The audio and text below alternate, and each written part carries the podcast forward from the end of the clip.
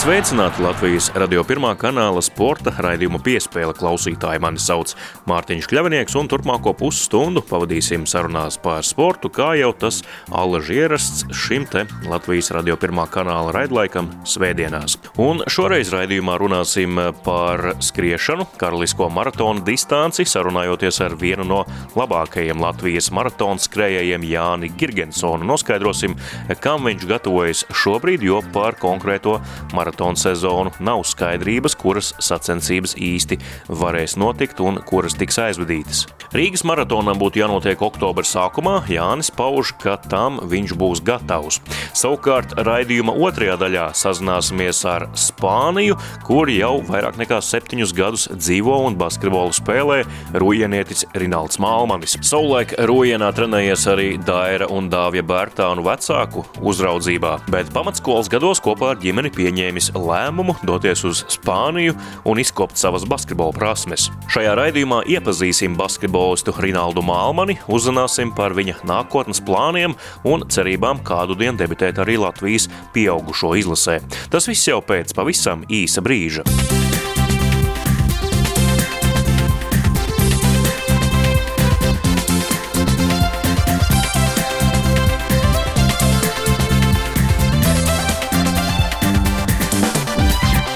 Jūs klausāties Latvijas radio pirmā kanāla sporta raidījumu piespēle studijā Mārtiņš Kļavinieks. Maratons ir karaliskā vieglatlētikas distance. Līdz šim Latvijā labākā maratona skrējēja neapšaubāmi bija Ieļena Prokopčuka, uzvarējusi vairākos starptautiski slavenos maratonos.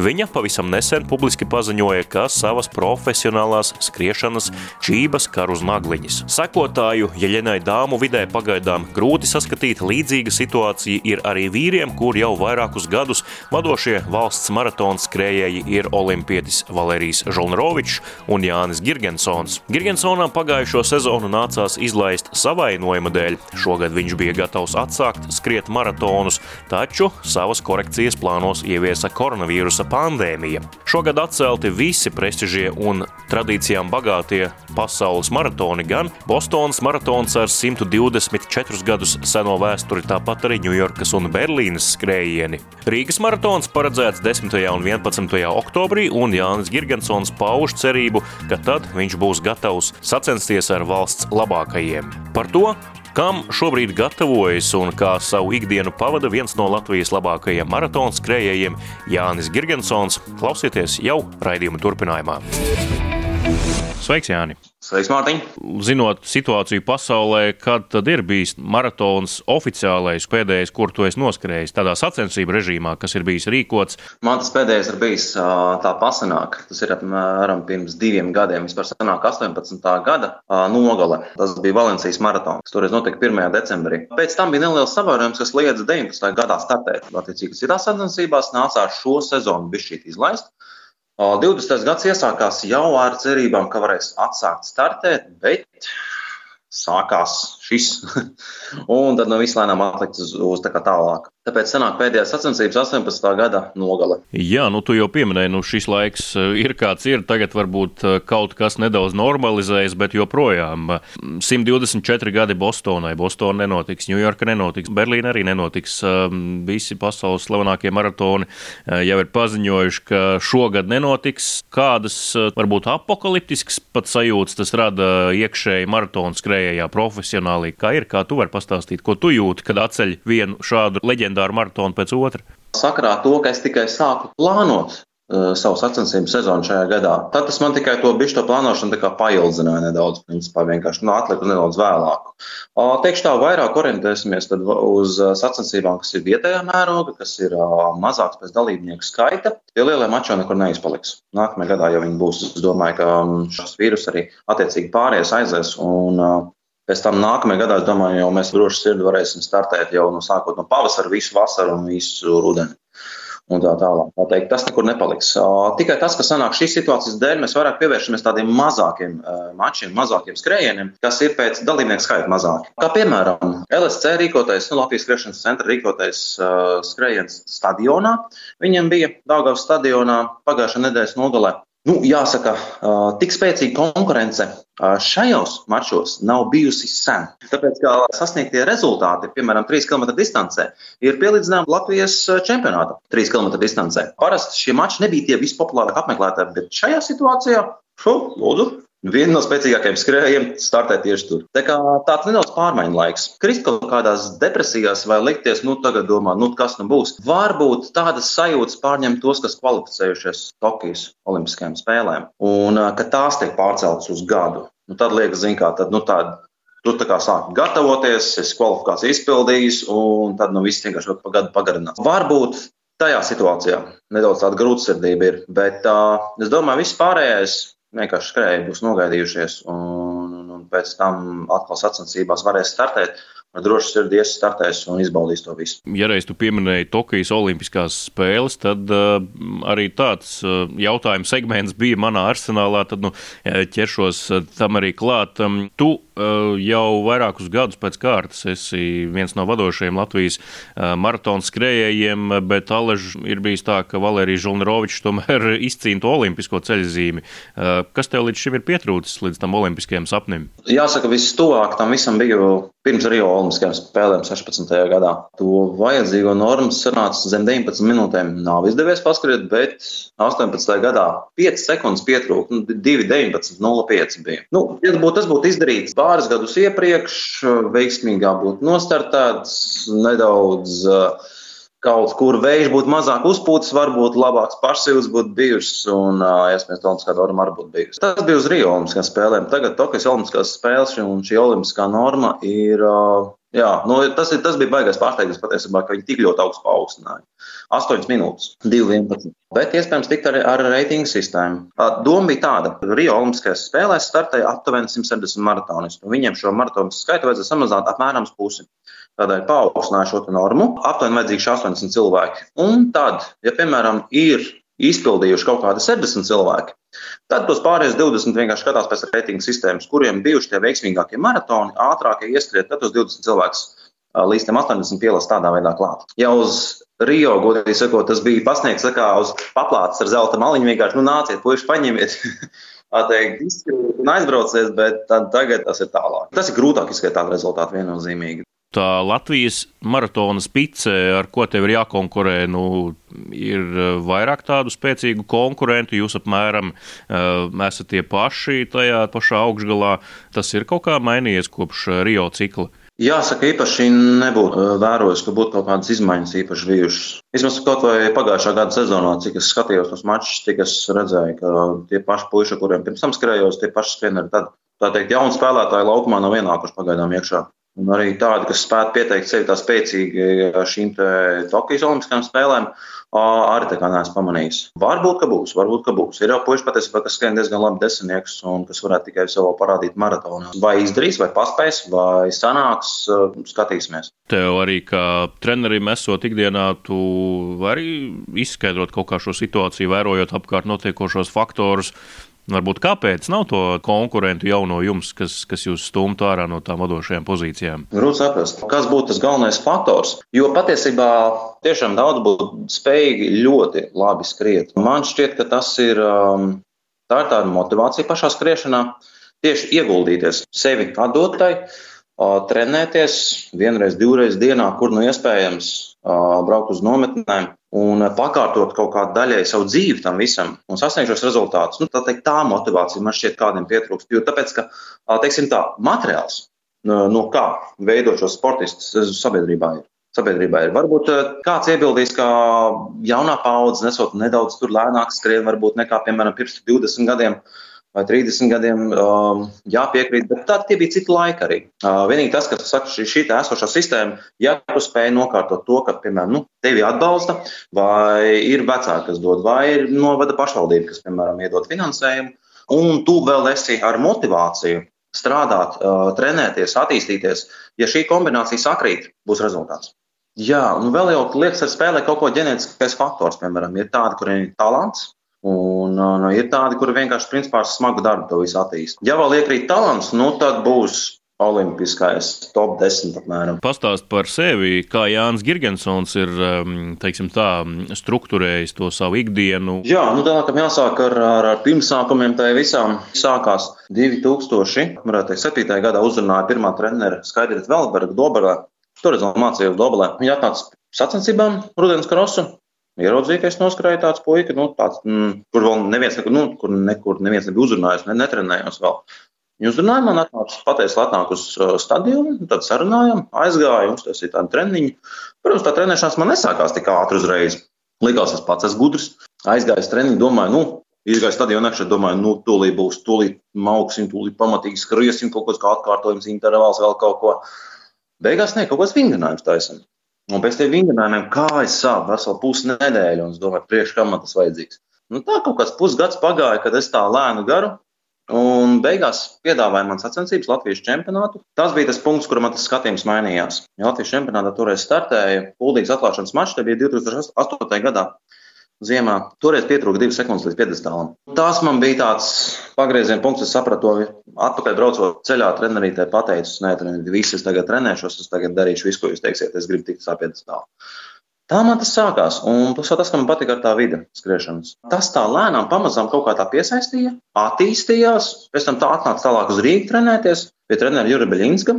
Nu, tur turpinājām principā to savu gatavību un uh, pamazām tikai personīgo pēc personīgā tā kā, tā kā laboja. Piesaistījām sponsoru, agrofirmu Tērveti, ar kuru sadarbojos vairākus gadus, un kas palīdzēja attiecīgi šo finansējumu piesaistīt nometnēm. Tā veiksmīgi sadarbojoties, arī kaut kādas septiņas dienas nedēļā trenējoties, pārstāvot, kā brīvdiena īstenībā nebija kaut kāda varbūt viena diena. Tā arī realizē principā to, ko esmu sasniedzis. Pašlaik ir tā, ka sakrā to, ka bija neliels pārtraukums, nedaudz tā ikdiena bija pamainījusies, arī pats par sporta treneru tagad strādāju, un uh, nedaudz laiks aiziet tur, bet uh, iespējas trenēties man tā teikt nav mazinājušās. Ne tā motivācija zudusi, ne tās iespējas trenēties zudušas, uh, viss ir principā aiziet atpakaļ trasē, atpakaļ uz līnijas. Bet, ja tu pats esi treneris un nodod savas zināšanas citiem, vai tev pašam arī ir nepieciešams treneris, vai tu pats vari būt arī sev treneris?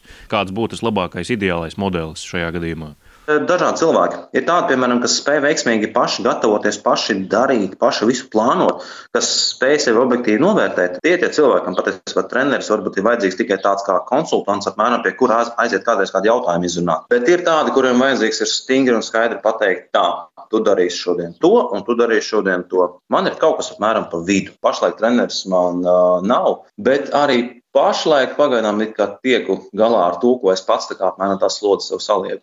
Bet, ja es jutīšu, ka kaut kas nav un uh, gribētos tā teikt, kaut kāda kā nākamā pakāpiena, jūt, ka, piemēram, kaut kam netiek pāri, kur zināšanas vienkārši pietrūkst, kaut kas nav īsti, tad meklēšu vēl kādu treneru. Eh, tālāk Jānis Girgensons, um, viens no Latvijas labākajiem maratona skrējējiem, sarunā ar Latvijas radio pirmā kanāla sporta radījumu piespēli. Paldies, Jāni, ka atsaucies sarunai, un ko tad laikam jau klātienē. Es ļoti ceru, ka mēs tev varēsim ieraudzīt oktobrī Rīgas ielās. Jā, paldies! Centīšos uz šo pasākumu sagatavoties un arī sastādīt konkurences pārējiem. Tas ir ļoti pašsaprotami, ka Latvijas sauc, tad tur nav variantu. Tu vienmēr saki, ka jā. Es cenšos katru spēli palikt labāks, katru spēli augt. Tad, kad jau ir uh, sezonas beigas un, un starpsezona, tad tu vari palikt vēl labāks spēlētājs. Jūs klausāties Latvijas radio pirmā kanāla sporta raidījumu piespēle studijā Mārtiņš Kļavinieks. Kopš 2000. gada otrās desmitgades sākuma daudzu Latvijas jauno basketbolistu ceļš ved uz Spāniju. Daļai cerības par profesionāļa karjeru piepildījušās, daļai sapņi sabrukuši. Visspilgtākais piemērs, kā no Spānijas nonākt visaugstākajā līmenī, protams, ir Kristaps Porziņš, kurš ir viens no Nacionālās basketbola asociācijas komandas Dallas Mavericks līderiem un arī viens no labākajiem spēlētājiem visā līgā. Spānijā savulaik spēlējis arī Dāvis Bartāns, arī Andrzejs Pasečņiks un Rodions Kuruts. Visi šī brīža Latvijas NBA basketbolisti ir gājuši tā saukto Spānijas ceļu. Aptuveni 15 gadu vecumā uz Spāniju devās šī brīža viens no basketbola kluba Barcelona spēlētājiem Rolands Šmits. Viņš ir valmierietis, Valmieras basketbola skolu Spānijā šobrīd pārstāv arī Rinalds Māmanis, kurš gan sevi devē par rūjienieti, jo tieši tur sācis trenēties basketbolā. Ar acu kaktiņu bērnībā vērojis, kā metienus izpilda Dāvis Bartāns un aizvadījis arī dažas nodarbības brāļu Bērtānu vecāku vadībā, Rinalds pusauģu gados pieņēma lēmumu doties uz Spāniju un pieņemt izaicinājumu pievienoties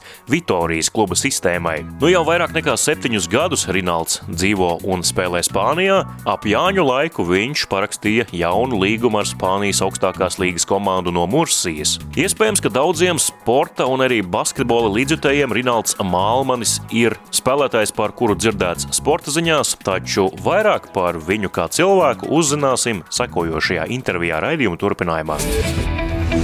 Rinalds Malmanis būs mans sarunu biedrs turpmākajās raidījuma piespēle minūtēs. Sveiks, Rinaldi! Sveiki, sveiki! Kā es saprotu, tu joprojām atrodies Spānijā, vai ne? Jā, tieši tā, Vitorijā. Vai um, pandēmijas laikā tev izdevās atbraukt uz Latviju, paciemoties pie ģimenes, vai tomēr uh, visu šo laiku kopš uh, marta tu pavadīji Spānijā? Nē, pandēmija uh, pabija Mursijā, kā divu mēnešu laikam sanāca tur pabūt, un tagad jau mēnesi esmu pa Vitoriju. Kā jau sacīju raidījuma ievadā, tad iespējams, ka daudzi pat basketbola līdzjutēji tevi zina tikai pēc um, dažādu sporta ziņu virsrakstiem, um, tīmekļa portālos vai Latvijas radio ziņotā, bet šīs intervijas laikā labprāt iepazītu tevi tuvāk, un līdz ar to jāsāk ar klasisko jautājumu. Kur tad tu pirmo reizi paņēmi rokās basketbola bumbu un sāki trenēties šajā sporta veidā? Sāks spēlēt, pats esmu no Rūjienas, tad arī Rūjienā sāku spēlēt. Pirmajā klasē bija jāizvēlās sporta nodarbība. Ar klases biedriem izvēlējāmies tad, tad basketbolu, un tur arī viss sākās pie Vidāras Zviedra. Ja ruīna, tad tas nozīmē, ka turpat kaut kur tūmā bija arī Bartānu ģimene, vai tu bērnībā skatījies, kā spēlē Dairs un Dāvis?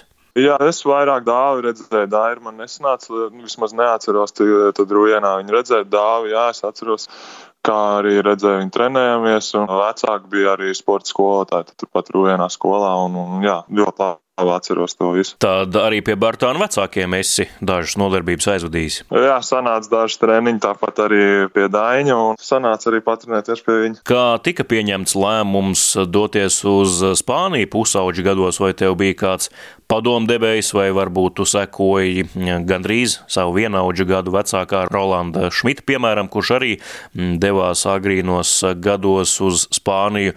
Tas bija vairāk tāds um, apsvērums basketbola vidē kopā ar padomdevējiem, vai tomēr lēmums tika pieņemts ģimenei, ka tā ir jādara? Tas bija vairāk jā, ar savu ģimeni, ar aģentu. Tad izrunājām to, ka bija tā iespēja braukt uz Spāniju. Bet es ka Rolands man liekas aizbraucis bišķi kā ātrāk par mani uz Fuenlabrādu. Un, un droši vien, ka jā, tas arī man palīdzēja, kad redzēt, kad viņš tik jauns varēja aizbraukt. Viņam viss labi gāja tur. Tad arī tā izdomājām arī, arī mēs aizbraukt prom. Nu, parasti šādās situācijās vislielākie pārdzīvojumi ir um, tieši mātēm, kad dēli jālaiž pasaulē tādā patsmitnieku vecumā. Kā bija tavai ģimenei? Droši vien, ka arī tur bija pietiekami grūti tie pirmie mēneši vai pat pirmais gads, un gan jau arī tev pašam negāja viegli. Nu, jā, pie, droši vien, visticamāk, pirmais gads bija tas visgrūtākais. Jā, arī es, kad dzirdēju vārdu Spānija, tad bija tāds, wow, aizbraukšu Spāniju, būs tik karsts, būs tik labs laiks. Un, Un es atbraucu te uz Vitoriju, un, un, un, un, un ziemā sniegs, sniegs. Un, un tad bija tāds, wow, kur, kur es īsti esmu. Un jā, pirmais gads tā personīgi bija, bija visgrūtākais. Tev pietrūkst tie draugi, kas tev tepat Valmjerā ir. Tu jau esi pieredzi tur būt un, un valoda. Un, un tad tas pirmais gads bija visgrūtākais, bet otrajā gadā jau, kad es zināju, plus mīnus jau to valodu arī sapratu, varēju vismaz parunāt kaut ko normālu skolā, tad bija bišķi vieglāk paralēli treniņiem basketbolā tev bija jāapmeklē arī spāņu skola tur, vai ne? Jā, jau kopš es atbraucu jau no pirmās dienas, bija jāiet uz spāņu skolu, lai gan nemācēju ne vārdu spāniski, tad bija, bija ātri jāmēģina iemācīties visu. Tas, ka valoda skan apkārtējā vidē, tas jau parasti palīdz. Līdz ar to, ja visapkārt bija spāņu valoda, droši vien tas arī tev ātri vien palīdzēja apgūt um, spāniski, runāt to, ko tev saka apkārt, un arī beigu beigās arī atbildēt citiem. Jā, Spānijā tas ir labi, kad viņiem tā angļu valoda nav tik labi, tad tev nekas cits neatlika, tikai eh, runāt spāniski. Un es domāju, ka kaut kādi četri mēneši droši vien bija, lai vismaz saprastu normāli visu, un, un, un tad bija kāds gads vajadzīgs, lai es vismaz varētu normāli, nu jau parunāt normāli. Jau pats tāds kautrīgs, nu, maza 15, 16 gadu tāds kautrīgs bija, negribējās tur baigi runāt arī spāniski, laiku uz angliski, tā kā gribējās, bet, nu, jau pēc gada varēja vismaz normāli parunāt. Nu, gatavojoties šai intervijai, Rinalda, paskatījos arī dažus um, video, kas pieejami tīmeklī pēc um, dažām no spēlēm, un šķiet aptuveni dažus mēnešus vecā video uh, tevi intervēja um, pēc viena no mačiem Spānijas līgā, un tur ļoti tekoši runāja spāniski. Tagad, laikam, tas tev problēmas vispār nesagādā? Tagad jau pēc cik septiņi gadi jau pagājuši, laikam, es nezinu, varbūt pat sanāk dažreiz labāk eh, spāniski, sanāk vieglāk runāt nekā latviski. Tā kā tur, jā. Tu joprojām domā latviski vai tajā valodā, kurā tu runā ikdienā? Tagad jau kādus divus gadus drīz neesmu ne, ne bijis Latvijā. Tad uh, ir tādi brīži, kad sāk sev pieķert, kad es vairāk tā kā spāniski jau visu laiku domāju. Tā kā es domāju, ka jā, spāniski lēnām. Trenēties pusauģa gados Spānijā, Vitorijas Baskonijas sistēmā, tas, um, nu, es tā pieļauju, nozīmē ļoti lielu konkurenci, ne tikai tavā pozīcijā, bet arī kopumā. Mm, kāda bija tā, tā konkurence tur uz vietas, kad tu aizbrauci? Ar ko tev bija jākonkurē? Jā, mēs te Baskonijā bijām, jā, man liekas, kaut kādi seši tie saucamie prospekti, jā, un, un tad visi, visi arī tie cīnījāmies par tām vietām, tajā, tad tikt uz to lielo komandu. Bet eh, tie pamati, ko tev ielika Latvijas basketbola sistēma, tas bija pietiekami, lai būtu konkurētspējīgs Spānijā, vai tu tomēr jūti, ka eh, kaut kas tomēr pietrūkst un vajadzētu kādu papildus individuālo nodarbību? Nē, es domāju, es eh, biju gatavs jau no pirmās sezonas, jau kad es atbraucu, nemaz nejūtu tik lielu to atšķirību. Protams, viņi varbūt vairāk tādi fiziski bija tādi, izskatījās varbūt eh, pēc, pēc izskata ziņā tādi varbūt gadus višku vecāku par manīm, bet eh, laukumā nē, jūtos diezgan labi. Pēc eh, dažiem gadiem Spānijā tu atgriezies eh, Valmierā un eh, arī tur nospēlēji pāris sezonu. Mm, kāpēc šāds solis, vai tas bija saistīts ar to, ka vēlējies atgūt emocijas, pabūt savā vidē, vai kādi citi apstākļi piespieda tev atgriezties Valmierā? Mans ceļš varbūt bija pat bišķi savādāks, jo tad, kad es atgriezos Valmierā, tas bija pēc traumām. Es divus gadus nebiju īsti arī spēlējis, jo man bija problēmas ar pleciem. Tad sanāca tās divas iepriekšējās sezonas. Tāds grūtāks, gandrīz pat tās divas sezonas nespēlēju. Es īsti nezinu, varbūt pateikt, kas ir tāds labākais ceļš, kāds ejams jaunajiem. Man liekas, ka es izvēli izdarīju pareizo.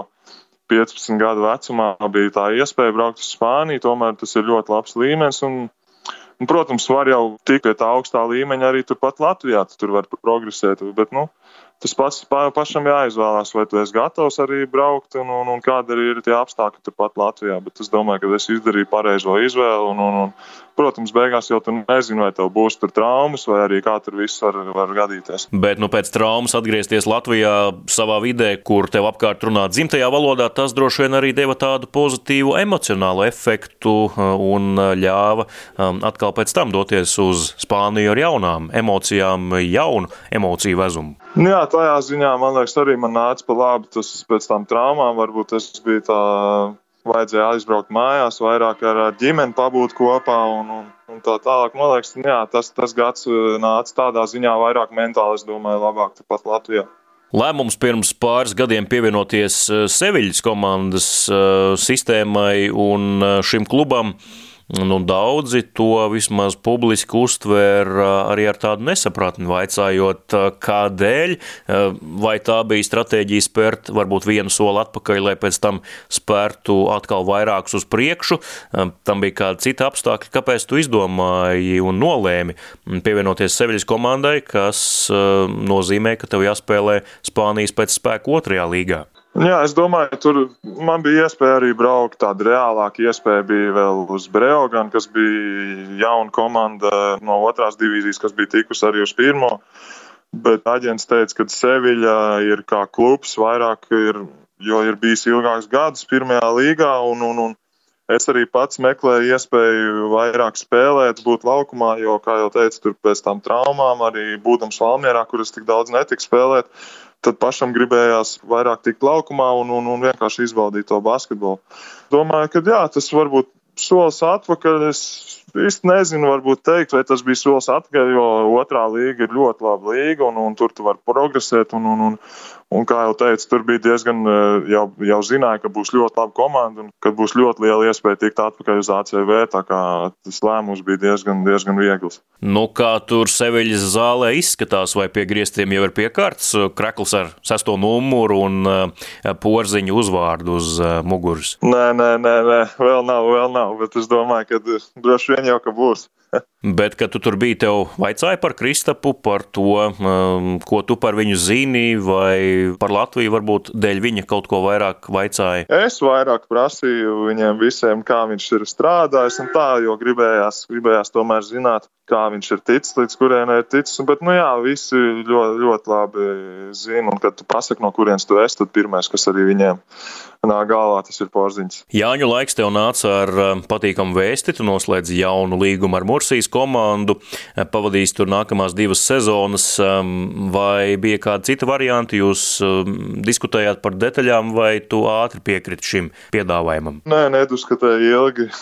Pats arī gribēju turpat palikt jo sanāca tikai kādus uh, divus mēnešus uzspēlēt, pēc, kad es sezonas vidū nomainīju komandu. Patika, kad uh, bija ļoti profesionāli. Treneris arī ļoti augsts līmenis. Sito Alonso bija Baskonijā, bija arī Barcelonā. Un es jūtu, ka es pie viņu, pie viņu varu progresēt. Un, un Un viņš arī novērtē eh, tos, ja tu iegūti smagu darbu, tad eh, tev būs lielāka iespēja arī tikt pie minūtēm un pierādīt savu laukumā. Un tas arī bija iemesls, kāpēc es baigi ilgi tur neko negaidīju un gribēju tur arī palikt. Ko tu šajā laikā esi pārņēmis no spāņiem? Vai tā ir tikai valoda, vai arī kādas ieražas ieradumi, ikdienas um, izpausmes, kā tu vērtētu, cik tu esi kļuvis par daļai spāņu šo gadu laikā? Nezinu, es domāju tikai valodu baigi neesmu pie tā piedomājis. Varbūt vecāki varētu pateikt kaut ko, nezinu, siestu, varbūt guļu pusdienlaiku vai paguļu, bet, nu, Nē, neko baigi neesmu mainījies, domāju. Spānijas ēdienas, spāņu kultūra, es pieņemu, ja tu septiņus gadus jau tur dzīvo, tas tev pietiekami labi iet pie sirds, vai ne? Ļoti patīk ēdienas šeit, eh, visvairāk arī šeit Vitorijā, tad ļoti, ļoti labi patīk šeit. Cilvēki, jā, šeit varbūt nedaudz tā kā Latvijā es jūtu to, to atšķirību, kad eh, no Vitorijas pieņemsim un lejā no Seviļas, tad Seviļā viņi vairāk tāda atvērtāka, un šeit Vitorijā tad vairāk līdz līdzīgi mums, latviešiem, tā nedaudz, eh, kā saka, tāda augstāka. Man kā latvietim tad arī vairāk patīk šeit, Vitorijā. Nu, Vitorijā tur šobrīd ir arī vēl viens latvietis, Artūrs Kuruts, vai jūs savā starpā arī sazināties, apmaināties viedokļiem? Uh, jā, ar Artūru pirms viņš brauca uz Valenciju, tad arī bija jāsatikāmies. Dzīvojam turpat vienā ēkā, tā kā jā, turpat viņš ir blakus. Tu esi spēlējis visu vecumu Latvijas jauniešu izlasēs, taču līdz pieaugušo komandas augstumiem tev vēl nav izdevies aizsniegties, tā kā pirmo spēli Latvijas pieaugušo izlasē tu vēl gaidi, vai kādā no iepriekšējiem gadiem tev ir bijusi iespēja uzspēlēt izlasē un varbūt debitēt, bet tas vienkārši nav izdevies? Uzspēlēt, eh, nē, bija iespēja, kad es braucu uz, uz Seviļu, tad bija iespēja aizbraukt uz treniņiem, bet, noslēdz līgumu ar jaunu komandu, un, un, un pati komanda arī nebija baigā priekā par to, ka eh, man būtu jābrauc, un tad izlēmām, ka labāk būtu, būtu nebraukt. Bet, nu jā, vēl, vēl iespēja nav, nav bijusi uzspēlēt, pašam sev jāpierāda šeit pats Spānijā, un es domāju, ka tas ir neiztrūks. Rinaldi, kad tev īsti sanāk būt Latvijā dzimtenē? Es saprotu, ka gada lielāko daļu tu pavadi Spānijā, bet kad ir tie brīži, kad tu esi Latvijā pie ģimenes? Sanāk būt vasarās, bet tagad uh, jau laikam divas vasaras neesmu bijis, jo paliek tepat Vitorijā, ir iespēja šeit trenēties, tad arī uh, to izmantoju. Palikt šeit nu, trenēties un gatavoties sezonam. Šovasar gribējās braukt, bet tagad ar to visu vīrusu, tā, tā jocīgāk viss. Tad, kad pandēmija tikko sākās pasaulē, tad Spānijā, vismaz kā Artūrs Žagars publiski stāstīja, noteikumi bija diezgan strikti, vai tagad Spānijā pārvietošanās um, ierobežojumi ir nedaudz mazinājušies? Jā, tagad varam uh, brīvāk pārvietoties, var iet ārā, kad vēlies. Vienīgais, kad ej kādās publiskās vietās vai kādos lielveikalos, tad ir jāuzvelk tā maska, lai būtu drošāk. Bet tā, dezinfekcijas līdzekļi un tas viss, bet tā, tā var mierīgi. Viss tagad ir labāk. Tu šobrīd Spānijā jūties droši? Pašam tagad ir drošāk. Iepriekš, pirms kāda mēneša, tad bija varbūt tāds negribējās, varbūt tik bieži iet ārā un vai tā piesargāties vairāk, bet tagad jau ir ok. Tāda saruna sporta raidījumā piespēle ar vienu no Latvijas jaunās paudzes basketbolistiem Rinaldu Mālmani. Viņš savas prasmes slīpē Spānijā un nākamos divus gadus pavadīs Mursijas komandā Spānijas augstākajā līgā. Paldies, Rinaldu, par šo sarunu un tiekamies kādreiz arī klātienē. Avi, liels paldies tev! Līdz ar to arī izskan šīs nedēļas sporta raidījums piespēle. Ar to studijā bija Mārtiņš Kļavinieks par labskaņu, kā Alēš parūpējās Nora Mītspapa. Uz sadzirdēšanos!